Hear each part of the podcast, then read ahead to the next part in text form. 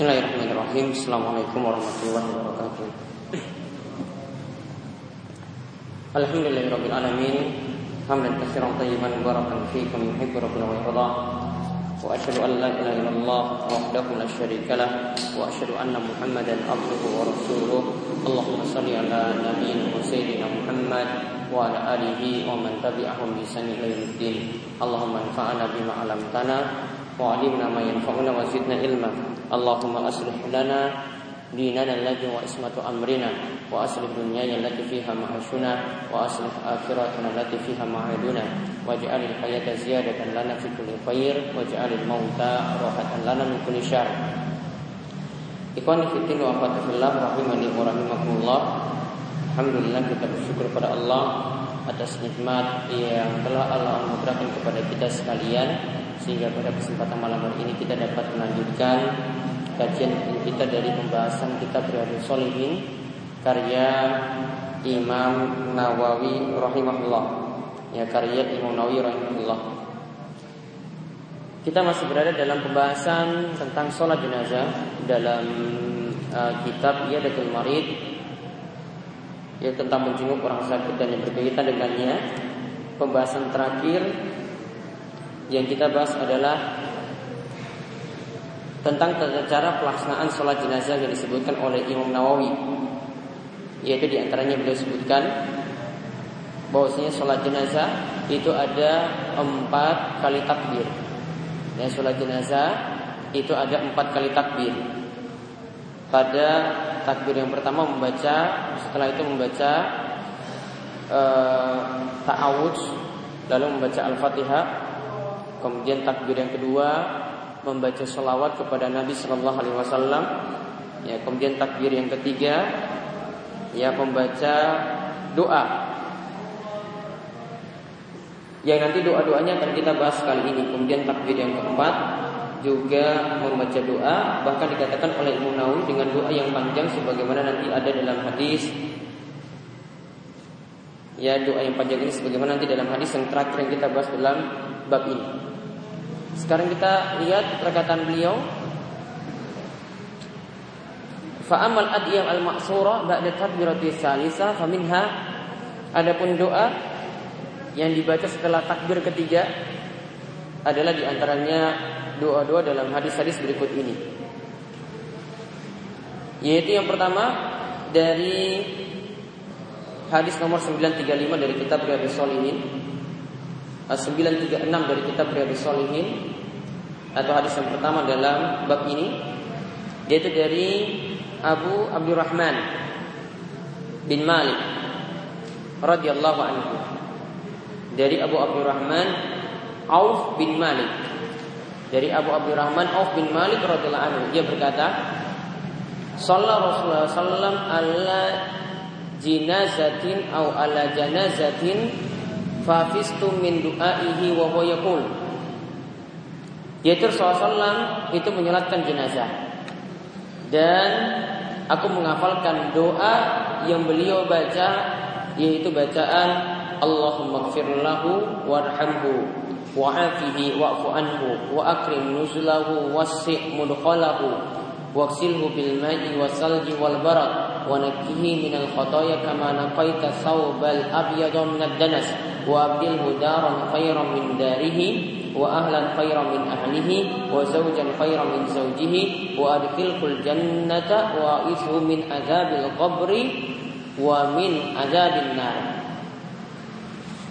yaitu isi doa yang Nabi SAW baca yang dihafalkan oleh Abu Abdurrahman Auf bin Malik Allahumma gfir lahu warhamhu Ya Allah ampunilah dia si mayit warhamhu dan kasihanilah dia Wa wa'fu anhu. Selamatkanlah dia dan maafkanlah dia. Wa akrim nuzulahu dan muliakanlah tempatnya. Yaitu maksudnya berikanlah tempat yang terbaik untuknya di surga. Wa wasi' mudkhalahu dan luaskanlah kuburnya. Waksilu bil ma'i wasalju wal barat. Dan cucilah dia dengan air dengan salju dan dengan air yang dingin.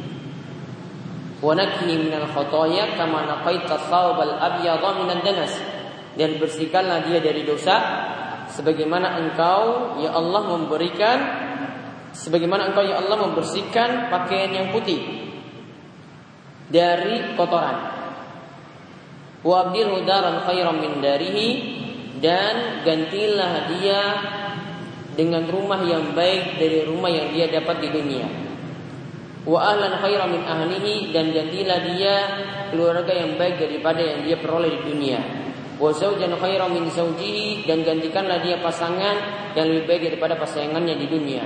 Wa adkhilhul jannata dan masukkanlah dia ke dalam surga. Wa min azabil qabri wa min azabin nar. Dan selamatkanlah dia lindungilah dia dari siksa kubur dan juga dari siksa neraka. Ketika membaca doa ini Nabi SAW membaca doa itu dan sahabat ini dengar yaitu Abu Abdurrahman Auf bin Malik ini dengar doa tersebut lantas dia mengatakan hatta tamannaitu an akuna ana zalikal mayyit aku sampai berangan-angan Aku sangat berharap kalau aku yang jadi mayit yang meninggal tersebut. Karena isi doanya yang sangat bagus sekali dan ini doakan langsung oleh Nabi Shallallahu Alaihi Wasallam. Hadis ini diriwayatkan oleh Imam Muslim. Maka doa ini memiliki beberapa kandungan. Intinya totalnya ada empat kandungan. Yang pertama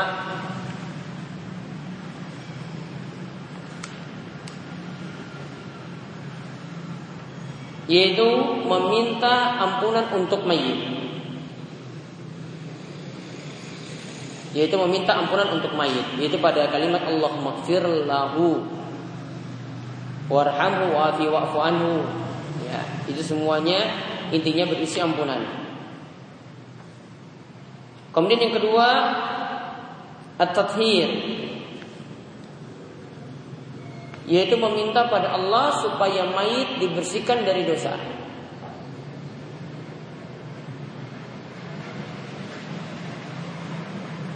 Meminta pada Allah supaya mayit dibersihkan dari dosa. Jadi dikatakan dalam doa tadi waksilhu bil ma'i wasalji wal barat. Cucilah dia dengan air, dengan salju dan dengan air yang dingin. Kemudian yang ketiga Dua tadi berisi Meminta gantian yang baik Meminta gantian yang baik. Bagi si mayit Yaitu untuk rumah Keluarga dan pasangannya di akhirat.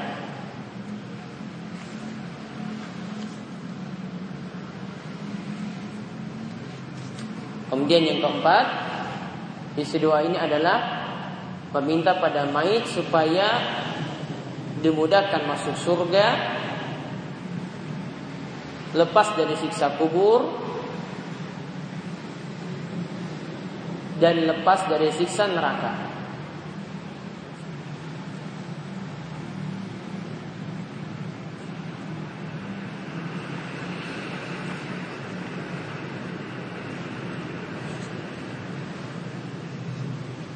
Adapun hukum doa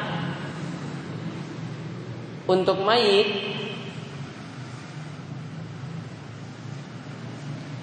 itu nanti akan disebutkan dalam beberapa hadis berikutnya. Intinya hukum doa untuk mayit ini bagian dari rukun sholat jenazah.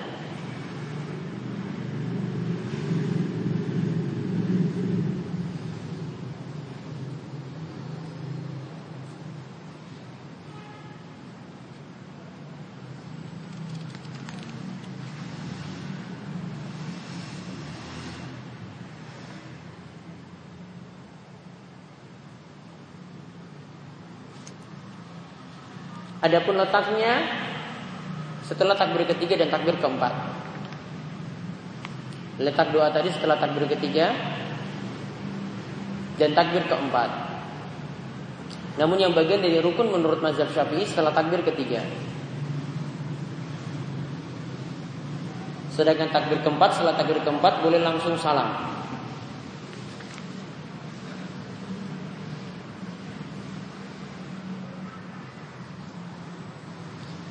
Namun di sini apakah perlu penghususan di situ untuk mayit di dalam doa ataukah doanya itu global, doanya itu umum? Para ulama bersih pendapat.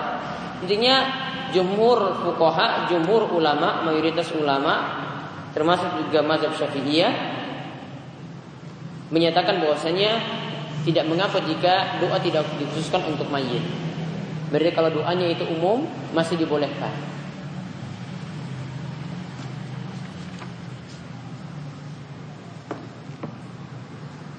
Kemudian faedah dari doa tadi juga yang bisa kita ambil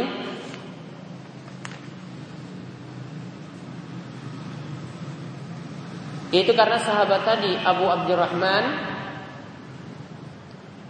Auf bin Malik itu katakan bahwasanya hafiz tuh berarti aku hafal doa ini dari Nabi SAW. Maka hadis ini menunjukkan faedah hendaklah ilmu itu dihafalkan. Hendaklah ilmu itu dihafalkan.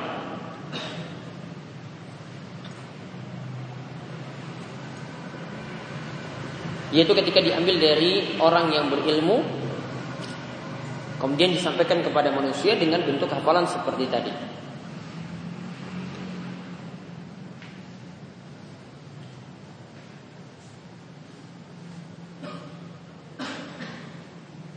Kemudian di sini juga menunjukkan karena dilihat dari isi kandungannya, karena di dalamnya tadi disebutkan waksilhu bil ma'i wasalji wal barat.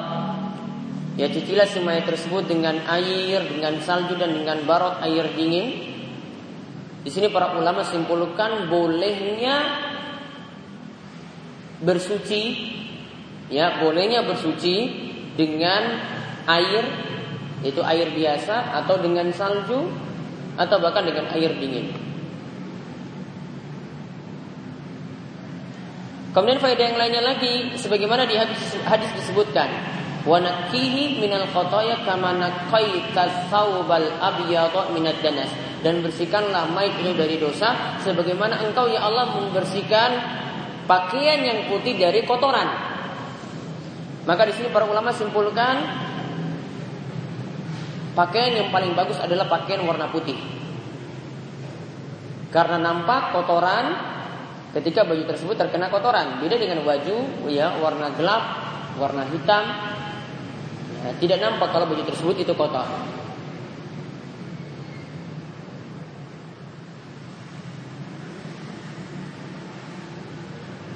Bahkan pernah kita sebutkan ketika bahas tentang masalah pakaian dahulu, ya di antara faedah memakai pakaian warna putih yang pertama, ya pakaian warna putih seperti di sini nampak jelas kotornya. Kemudian faedah memakai pakaian warna putih yang kedua untuk mengingat Ya kematian juga kita memakai kain kafan warna putih. Kemudian faedah memakai pakaian putih yang ketiga karena menunjukkan sifat tawadhu. Karena kalau orang memakai baju putih, ya dia tidak dibedakan dari yang lainnya. Bahkan mungkin dia dianggap sebagai orang yang rendah. Beda kalau dia pakai pakaian apalagi warnanya itu mencolok, ya, maka dia dianggap sebagai orang yang istimewa. Maka orang yang pakai baju putih ya, nampak sifat ketawaduan pada dirinya. Karena dia bukan warna yang mencolok warna yang menampak warna yang istimewa daripada warna-warna yang lainnya dari sisi penampilan di hadapan orang lain. Namun pakaian ini yang paling disukai karena nampak jelas kotornya. Kemudian hal di sini juga menunjukkan adanya siksa kubur. Ya, adanya siksa kubur. Sehingga dapat kita katakan bahwasanya hadis-hadis yang menyatakan tentang siksa kubur ini adalah hadis-hadis yang mutawatir. Ya, hadis-hadis yang mutawatir diriwayatkan dengan riwayat yang banyak secara makna. Artinya banyak kumpulan hadis-hadis ya satu sisi membicarakan seperti di sini ketika sholat jenazah meminta perlindungan dari siksa kubur. Satu sisi lagi dari hadis yang lainnya ada pertanyaan di dalam kubur yang ketika orang itu tidak bisa menjawabnya maka akan mendapatkan hukuman ketika itu. Jadi berbagai macam sisi kita lihat siksa kubur itu ada dan bisa dikatakan adalah riwayat yang mutawatir. Sehingga orang yang menolak siksa kubur ya ini adalah penyimpangan dalam masalah akidah. Kemudian hadis ini juga menunjukkan bolehnya berangan-angan berada dalam posisi orang yang meninggal dunia. Karena orang yang meninggal dunia tadi mendapatkan kebaikan. Bolehnya berangan-angan berada dalam posisi orang yang meninggal dunia karena orang yang meninggal dunia tadi mendapatkan kebaikan. Itu karena yang didoakan tadi didoakan langsung oleh Nabi Shallallahu Alaihi Wasallam Kemudian isi kandungan doa tadi juga adalah kandungan yang sangat luar biasa karena dalamnya ada meminta ampunan, meminta rahmat, meminta maaf, meminta dia diselamatkan, meminta supaya digantikan dengan yang lebih baik, meminta supaya dibersihkan dari dosa-dosa, meminta supaya dimasukkan dalam surga, meminta supaya dilepaskan dari siksa kubur dan siksa neraka. Ini sungguh doa yang luar biasa bagi si mayit. Kemudian doa yang lainnya lagi, doa yang dibaca setelah takbir ketiga yaitu dari Abu Hurairah dan juga Abu Qatadah dan juga Abu Ibrahim Al-Ashhali dari bapaknya. Dan bapaknya adalah seorang sahabat. Radhiyallahu anhum di mana Nabi SAW annahu shalla ala jinazatin. Bahwasanya Nabi SAW itu sholat untuk jenazah yaitu sholat jenazah. Lalu beliau membaca doa ini. Allahumma kfirli hayyina wa mayyitina wa saghirina wa kabirina wa dzakarana wa unthana wa syahidina wa ghaibina. Allahumma man ahyaytahu minna fa ahyihi alal islam. Wa man tawaffaitahu minna fatawaffahu alal iman. Allahumma la tahrimna ajrahu wa la taftinna ba'dahu. Di sini disebutkan Doa yang Nabi SAW panjatkan ketika sholat jenazah Yaitu setelah takbir ketiga Ya Allah ampunilah yang hidup di antara kami. Ya Allah ampunilah yang mati di antara kami. Doanya di sini umum. Orang yang hidup juga termasuk dalam doa ini. Bukan hanya orang yang meninggal dunia ketika itu. Wasogirina wa kabirina. Dan doakan dan ampunilah juga yang kecil di antara kami dan yang besar di antara kami. Begitu juga wazakarona wa unsana yang laki-laki di antara kami dan perempuan di antara kami. Wasyahidina wa ghaibina baik yang hadir di antara kami maupun yang tidak hadir. Allahumma man ahyaitahu minna ya Allah siapa yang engkau hidupkan di antara kami fa ahyihi alal Islam hidupkanlah dia di atas Islam Wa man tawaffaitahu minna dan siapa yang engkau matikan di antara kami fatawaffahu alal iman. Matikanlah dia di atas iman.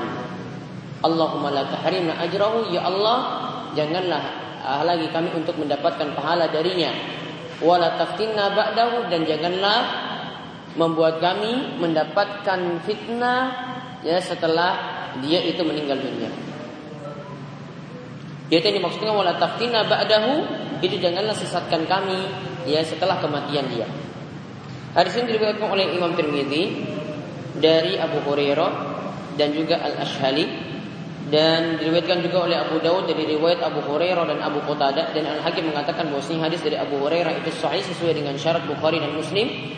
Begitu pula Tirmizi mengatakan bahwasanya Imam Bukhari itu menyatakan hadis ini adalah riwayat yang paling sahih dan yang riwayat paling sahih adalah riwayat dari Al Ashhali. Kemudian Bukhari mengatakan wasahu syai'in fil bab hadis Auf bin Malik.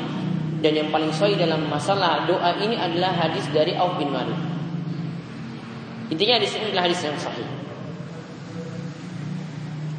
Faedah yang bisa kita ambil dari hadis ini, bolehnya berdoa ketika sholat jenazah untuk orang yang hidup dan orang yang mati. Bolehnya doa ketika sholat jenazah untuk orang yang hidup dan orang yang mati.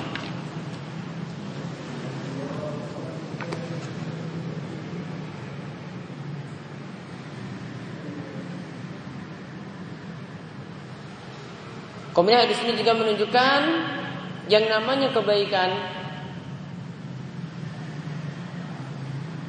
jika orang yang mati itu di atas iman dan orang yang hidup berpegang teguh dengan Islam. Itu namanya kebaikan.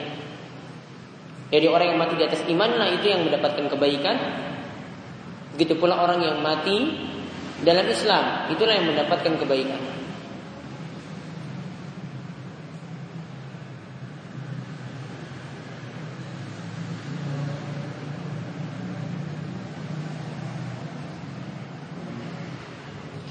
Kemudian di sini juga menunjukkan karena makna dari wasyahidina wa ghaibina yang nampak di antara kami dan yang tidak nampak di antara kami. Jadi ini yang diminta adalah untuk perbaikan, bisa juga maknanya perbaikan lahir dan batin. Maka di sini menunjukkan pula faedah yang berikutnya disunahkan seseorang itu berdoa untuk diperbaiki keadaan lahir dan batinnya. Untuk diperbaiki keadaan lahir dan batinnya.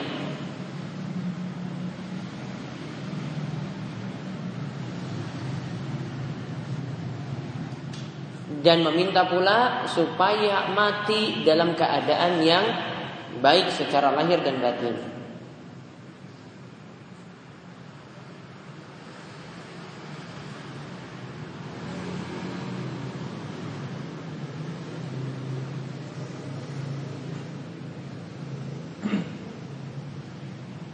Kemudian faedah yang terakhir dari hadis ini yaitu hadis ini menunjukkan hendaklah setiap orang itu waspada dari berbolak-baliknya iman dalam hatinya. Sehingga yang harus diminta adalah keteguhan hati. Sehingga yang harus diminta adalah keteguhan hati supaya terus berada dalam iman. Maka di antara ya doa yang Nabi SAW itu anjurkan kepada kita yang mukallibal qulub sampit qalbi ala dini. Wahai Rabb yang membolak-balikan hati ya teguhkanlah hatiku ini di atas agamamu.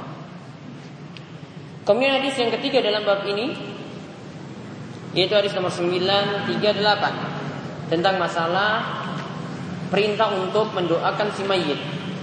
Ya, tentang masalah perintah untuk mendoakan si mayit.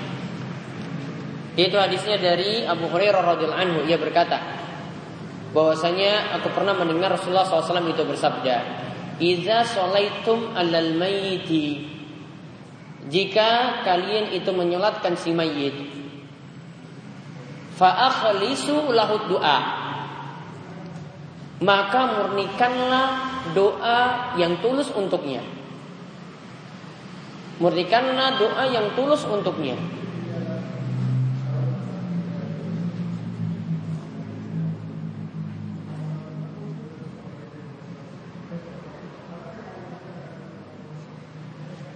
Maka faedah dari hadis ini yang pertama hendaklah mendoakan si mayit dengan memurnikan doa untuknya.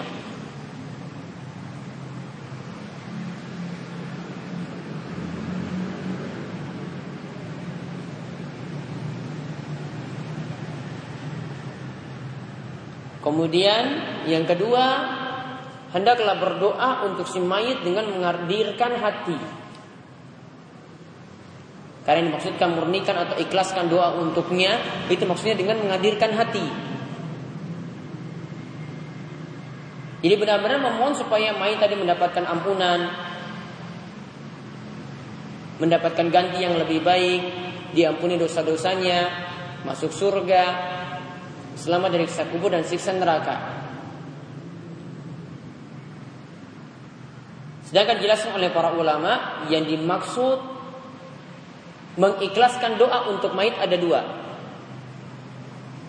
Yang dimaksud mengikhlaskan doa untuk mayit itu ada dua makna. Yang pertama,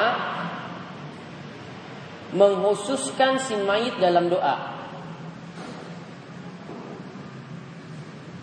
Jadi benar-benar doanya dia tujukan kepada si mayit.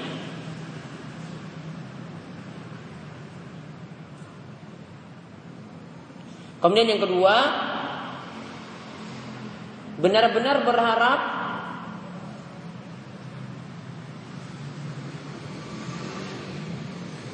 agar doa pada si mayit itu diterima. Benar-benar berharap agar doa pada si mayit itu diterima. Nah ini dimaksudkan dengan mengikhlaskan doa untuk mayit. Jadi maknanya di antaranya adalah yang pertama ya kita tunjukkan doa untuk si mayit. Kemudian yang kedua kita berharap supaya doa ini diterima. Kemudian doa yang lainnya lagi disebutkan dalam hadis 939 yaitu sama dari Abu Hurairah radhiyallahu anhu dari Nabi SAW tentang masalah sholat jenazah yaitu Nabi SAW pernah menyolatkan jenazah langsung beliau membaca doa ketika itu Allahumma anta rabbuha wa anta khalaqtaha wa anta hadaitaha lil Islam wa anta qabatta ruhaha wa anta alamu bisirriha wa alaniyataha. Ji'naka syufa'a lahu fakfir lahu. Yaitu dalam doa Nabi SAW dalam sholat jenazah ini dikatakan Allahumma anta rabbuha. Ya Allah engkaulah Rabb dari jenazah ini wa anta khalaqtaha. Dan engkaulah yang menciptakan jenazah ini. Wa anta hadaitaha Islam. Engkaulah yang memberikan hidayah padanya masuk Islam. Engkaulah yang memberikan hidayah, hidayah kepadanya untuk Islam. Wa anta qabatta ruhaha. Dan engkaulah yang mencabut nyawanya. Wa anta a'lamu bisirriha wa alaniyataha. Dan engkaulah yang tahu yang tersembunyi dan juga yang nampak padanya. Yang ada dalam batinnya atau yang nampak padanya. Allah yang tahu. Ji'naka syufa'a lahu. Kami datang padamu ya Allah untuk memintakan syafaat untuknya. Fakfir lahu maka ampunilah dia. Hadis ini diriwayatkan oleh Abu Daud. Kesimpulannya hadis ini adalah hadis yang hasan, namun hasannya adalah hasan li ghairihi, hasan dilihat dari jalur yang lainnya. Namun secara sanad hadisnya itu dhaif, namun dilihat dari jalur yang lainnya ada penguat dari uh, riwayat At-Tabrani sehingga hadisnya kita dapat katakan hasan li.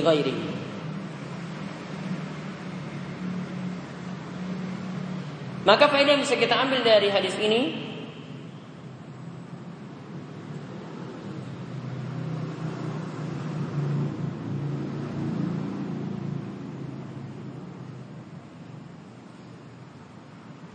Tujuan doa dalam sholat jenazah adalah supaya mayit mendapatkan syafaat. Dan maksud syafaat adalah ampunan.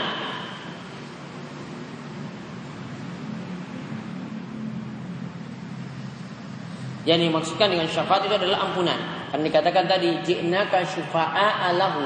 Kami datang kepadamu ya Allah untuk meminta syafaat untuknya. Apa yang maksud syafaat dilanjutkan fakfir lahu, maka ampunilah dia. Berarti yang dimaksudkan meminta syafaat untuknya di sini adalah meminta ampunan untuk si mayit. Kemudian faedah yang lainnya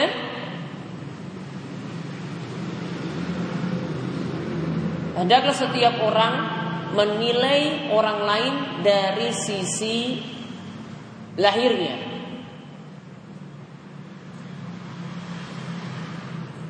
Sedangkan Isi batinnya diserahkan pada Allah Subhanahu wa taala.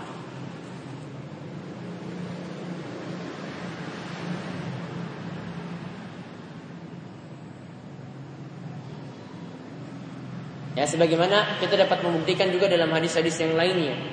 Di antaranya ya dalam hadis yang Nabi SAW katakan umirtu an uqatilan nas hatta an la ilaha wa anna muhammadar rasulullah. Ya, aku diperintahkan untuk memerangi manusia sampai mereka itu bersaksi bahwasanya tidak ada sembahan yang berhak disembah selain Allah dan Muhammad adalah utusan Allah. Kemudian mereka mendirikan salat dan menunaikan zakat. Fa idza fa'alu dzalik jika mereka melakukan hal itu asamu minni dima'ahum wa amwalahum illa bihaqil Islam. Ya, jika mereka melakukannya maka selamatlah harta dan darahnya illa bihakil Islam kecuali ada ketentuan Islam yang lainnya wa hisabum Allah dan urusan hati mereka diserahkan pada Allah. Jadi penilaiannya dilihat dari sisi lahir bukan dari sisi batin. Karena di sini dikatakan Allah yang mengetahui lahir dan batin, sedangkan manusia cuma mengetahui dari sisi lahirnya saja. Maka hukumi orang itu dari sisi lahirnya, ya bukan dari sisi batinnya. Urusan batinnya, hatinya diserahkan pada Allah Subhanahu wa taala. Kemudian doa yang lainnya lagi disebutkan pada hadis yang berikutnya hadis 940 yaitu dari Wasilah bin Al-Asqa radhiyallahu anhu di mana ia berkata Shalla bina Rasulullah SAW ala rajulin minal muslimin. Fasami'tuhu yakul. Yaitu Rasulullah SAW itu sholat bersama kami untuk menyolatkan seseorang dari kaum muslimin. Dan di dalam sholatnya Nabi SAW itu membaca doa Allahumma inna fulan ibna fulan fi zimmatika wa halla bijiwarika Faqi fitnatal qabri wa azaban nari wa anta ahlul wafa'i wal hamdi. Allahumma faghfir lahu warhamhu innaka antal ghafurur rahim. Ya Allah, sesungguhnya fulan bin fulan. Ya sesungguhnya fulan bin fulan. Fi zimmatika itu berada dalam janjimu, perjanjianmu. Wahalla bi jiwarika dan juga berada pada rasa aman yang engkau berikan. Fakihi fitnatal qabri, selamatkanlah dia dari siksa kubur. Wa adzaban nari dan juga dari siksa neraka. Wa anta ahlul wafa dan engkaulah ya Allah yang memenuhi janji. Walhamd dan engkaulah ya Allah yang maha untuk dipuji. Allahumma faghfir lahu ya Allah ampunilah dia si mayit warhamu dan rahmatilah dia si mayit. Innaka antal ghafurur rahim sesungguhnya engkau ya Allah Maha pengampun lagi Maha penyayang. Faedah dari hadis ini yang pertama yang bisa kita ambil karena dikatakan Allahumma inna fulan ibna fulan. Sesungguhnya fulan bin fulan. Yang dimaksudkan dengan fulan bin fulan seseorang ini selalu disandarkan pada bapaknya Kan dikatakan fulan bin fulan, tidak disandarkan pada ibunya. Maka dalam masalah nasab, ketika dipanggil di dunia maupun di akhirat, itu nanti disandarkan pada bapaknya bukan pada ibunya.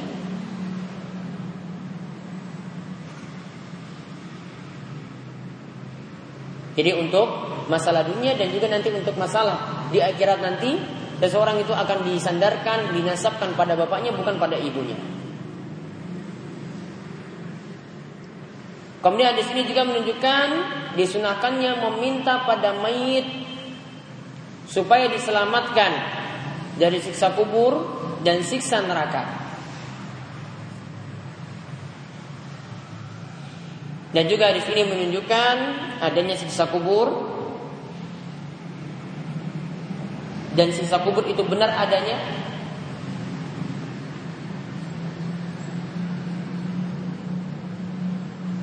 Kemudian di sini juga menunjukkan disunahkannya memuji Allah ketika berdoa, termasuk juga dalam doa sholat jenazah.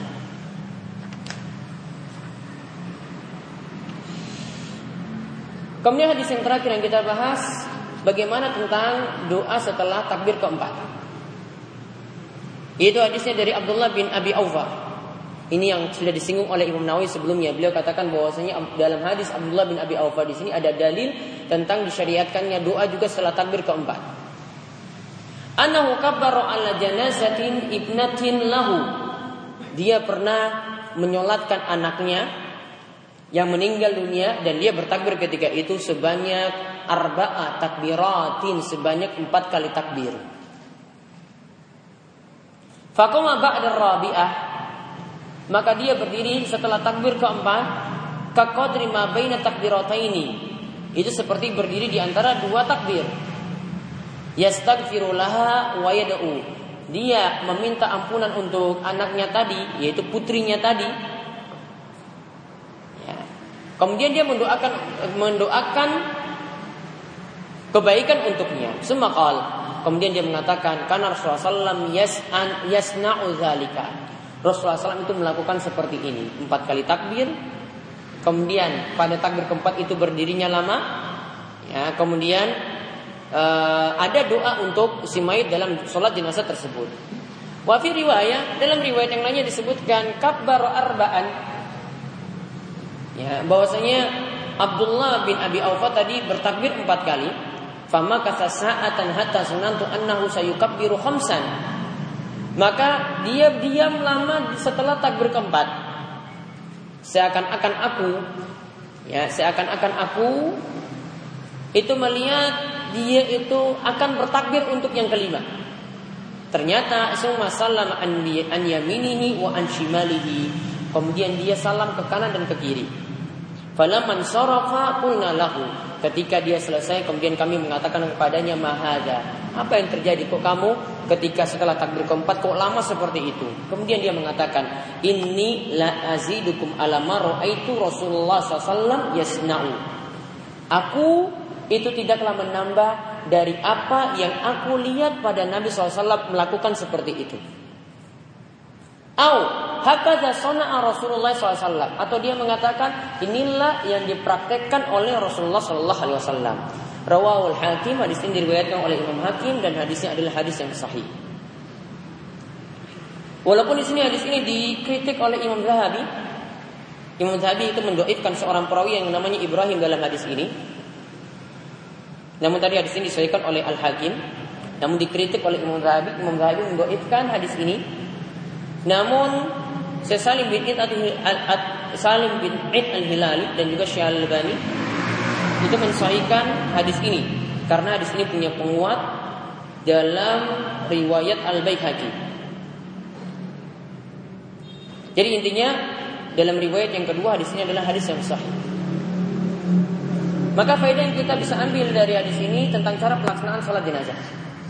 Yang pertama, sholat jenazah dengan empat kali takbir. Kemudian yang kedua, dalam sholat jenazah ada doa untuk si mayit.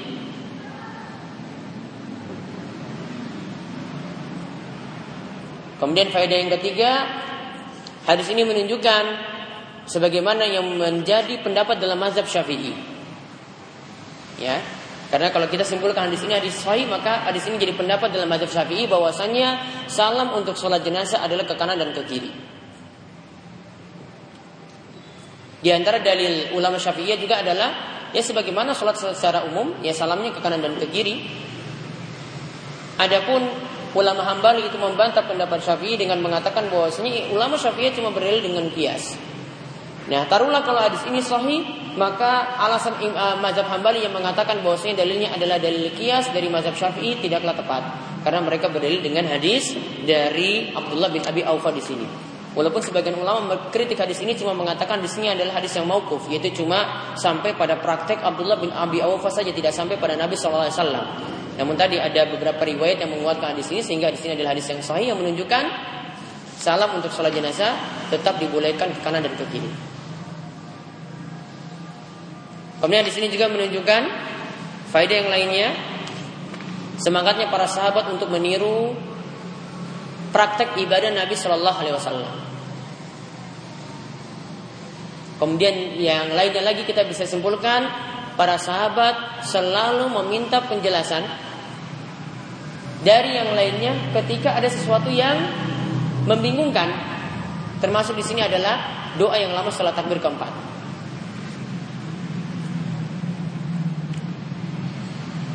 Kemudian faedah yang lainnya lagi Hal ini sebagaimana yang dijelaskan oleh Imam Nawawi di muka bahwasanya boleh berdoa lama setelah takbir keempat. Boleh berdoa lama setelah takbir keempat sebagaimana praktek dari Abdullah bin Abi Aufa dan dia katakan dia lihat Nabi SAW prakteknya seperti itu. Maka kalau ada setelah takbir keempat langsung salam dibolehkan namun kalau dia tetap membaca doa setelah itu juga tetap dibolehkan pula. Ya kesimpulan yang paling penting tadi adalah uh, tentang masalah salam ke kanan dan salam ke kiri. Yang lebih tepat kalau hadis ini adalah hadis yang sahih, maka kuatlah pendapat dari ulama Syafi'iyah yang mengatakan bahwasanya salam untuk sholat jenazah itu adalah ke kanan dan ke kiri. Ya tidak cuma satu kali salam saja. Walau alam biswab ini yang kita sampaikan untuk kesempatan kali ini ya seputar sholat jenazah Nanti insya Allah berikutnya kita akan bahas tentang masalah e, mengantarkan mayat ke dalam kubur. Ada yang ditanyakan?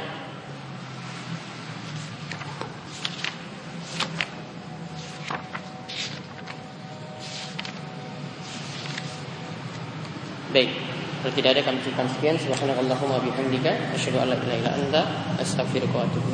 Assalamualaikum warahmatullahi wabarakatuh.